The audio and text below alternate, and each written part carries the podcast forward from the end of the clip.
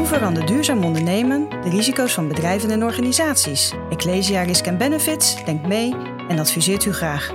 Want wij voelen ons verantwoordelijk voor de wereld van morgen. Ecclesia Risk Benefits, samen, bewust en gerust vooruit.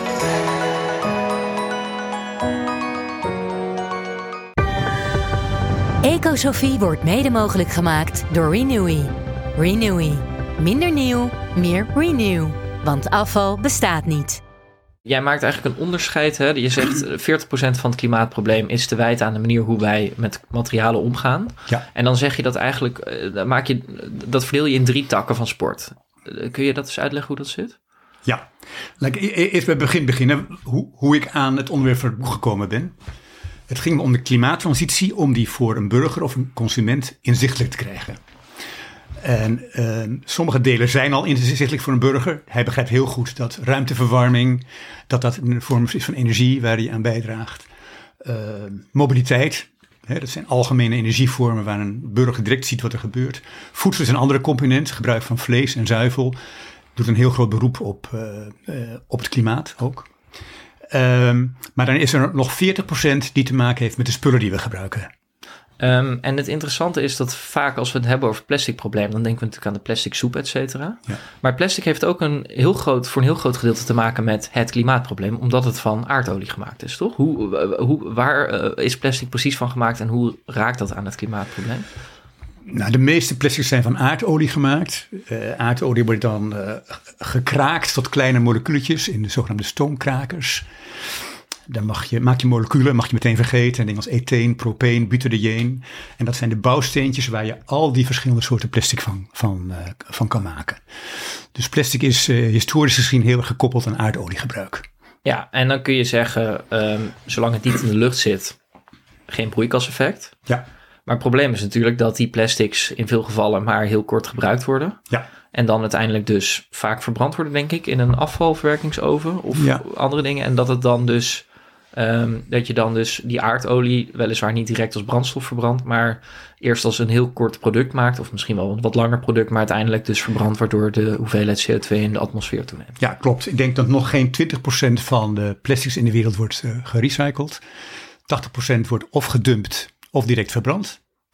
En degene, nou, dumpen is niet erg, want dan ligt het ergens. Maar dumpplaatsen zijn eh, geweldige bronnen voor methaan, wat een nog sterker broeigas, broeikasgas is dan CO2.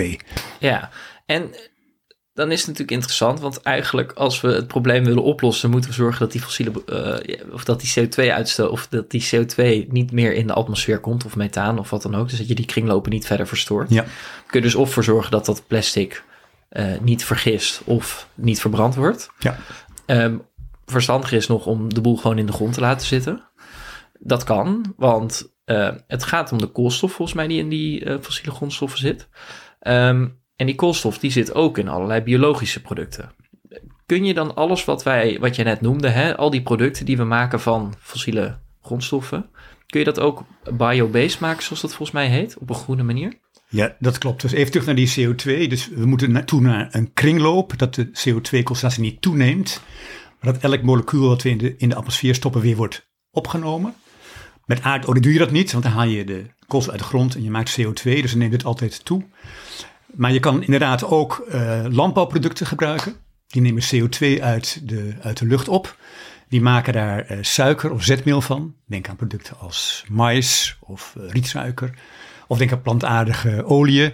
Of kokosolie of palmolie of, of koolzaadolie, dat soort zaken. En eh, als je dat soort moleculen eh, gebruikt, dan kan je eigenlijk daaruit alle producten maken van de petrochemie. En ehm, jij zegt dus eigenlijk alles wat we nu dus maken met die fossiele grondstoffen, dat kunnen we dus ook maken met biologische grondstoffen.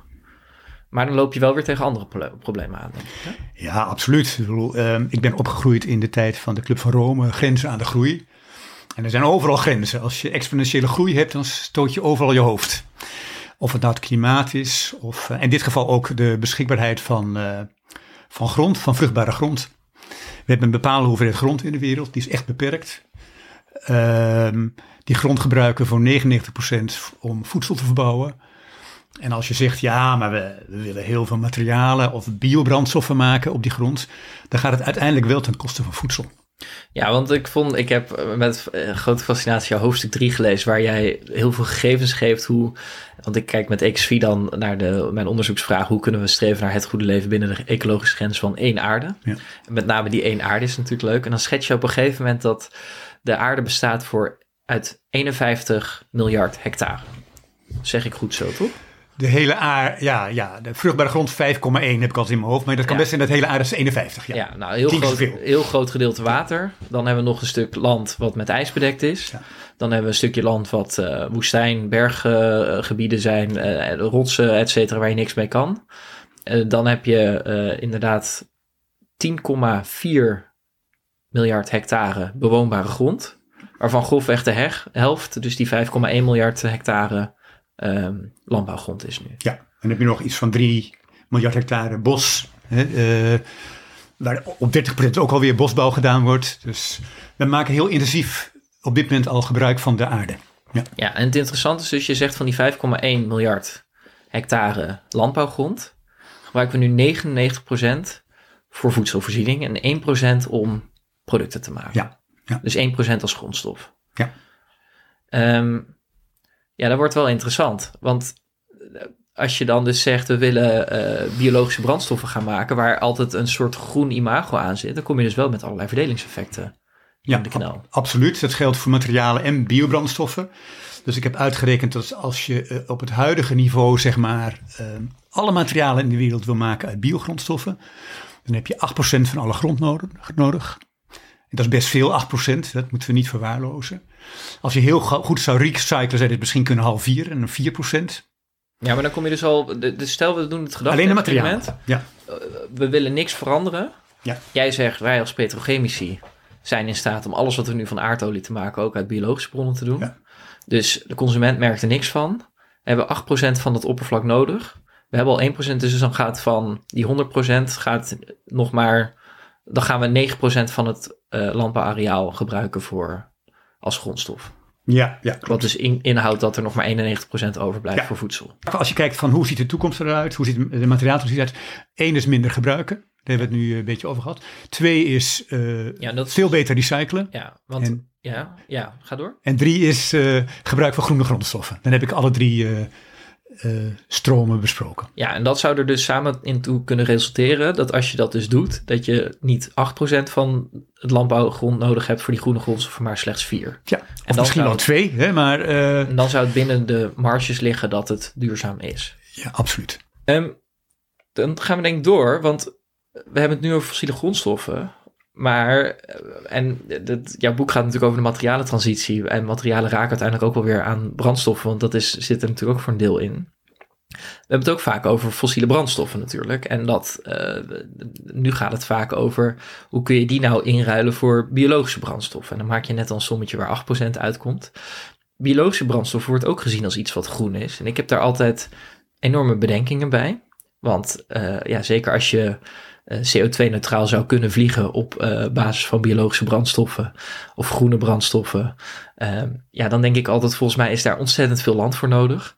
Uh, jij hebt die sommetjes volgens mij wel paraat. Hoe geldt dat als we fossiele brandstoffen zouden inruilen voor groene brandstoffen? Ja, als je, we hadden net een sommetje over de materialen, hè, dat is 4 of 8 procent. Als je zelf doet, alleen voor de vloeibare brandstoffen, denk aan benzine, diesel en kero voor vliegtuigen, dan heb je 28% uh, van het landoppervlak nodig om al die grondstoffen te maken. Dat is nog een veel groter stuk. En een aantal dingen is ook nog sterk groeiend. Hè. Uh, vliegtuigbenzine, dat neemt nog met 10% per jaar toe. Je ja, want je krijgt nu wel van die bijmengverplichtingen allemaal. Maar ja, als dat, uh, ja, dat betekent dus wel als we dit, deze biologische of die groene brandstoffen daarvoor gaan gebruiken, dat iemand anders dadelijk geen eten heeft. Ja, ja dat klopt. Dus zoals ik er naar kijk, is, is van hoe moet je vruchtbare grond gebruiken. Dus allereerst voor voedsel. Uh, als er dan grond over is, die paar procent voor materialen. Uh, omdat materialen relatief waardevol zijn en er minder alternatieven zijn voor de grondstoffen. En het allerlaatste wat je zou moeten doen is grond gebruiken om energieproducten te maken. Hè, zoals bioethanol of, of biodiesel. Ehm, vooral ook omdat er alternatieven zijn. Hè, dus heel veel van het transport kan elektrisch. uh, accu's worden steeds beter. Dit jaar heeft een uh, Chinees bedrijf, Katal, heeft uh, aangekondigd dat de batterijcapaciteit met een factor 2 omhoog gaat per kilogram. Dus dat leidt tot een geweldig potentieel om, om accu's te gebruiken in, in vervoer tot en met korte afstand vliegverkeer. Daarnaast kan waterstof ook een grote rol spelen. Um, en als het echt allemaal niet lukt voor echt lange afstand vliegverkeer, dan kan je iets maken wat heet Fischer-Tropsch uh, vloeistoffen. Dat zijn een soort kunstmatige vliegtuigbenzine. Die is weliswaar duur, maar dat, dat past ook een beetje bij het luxe karakter van lange afstand vliegverkeer. Als je dat echt wil, dan moet je er ook voor betalen.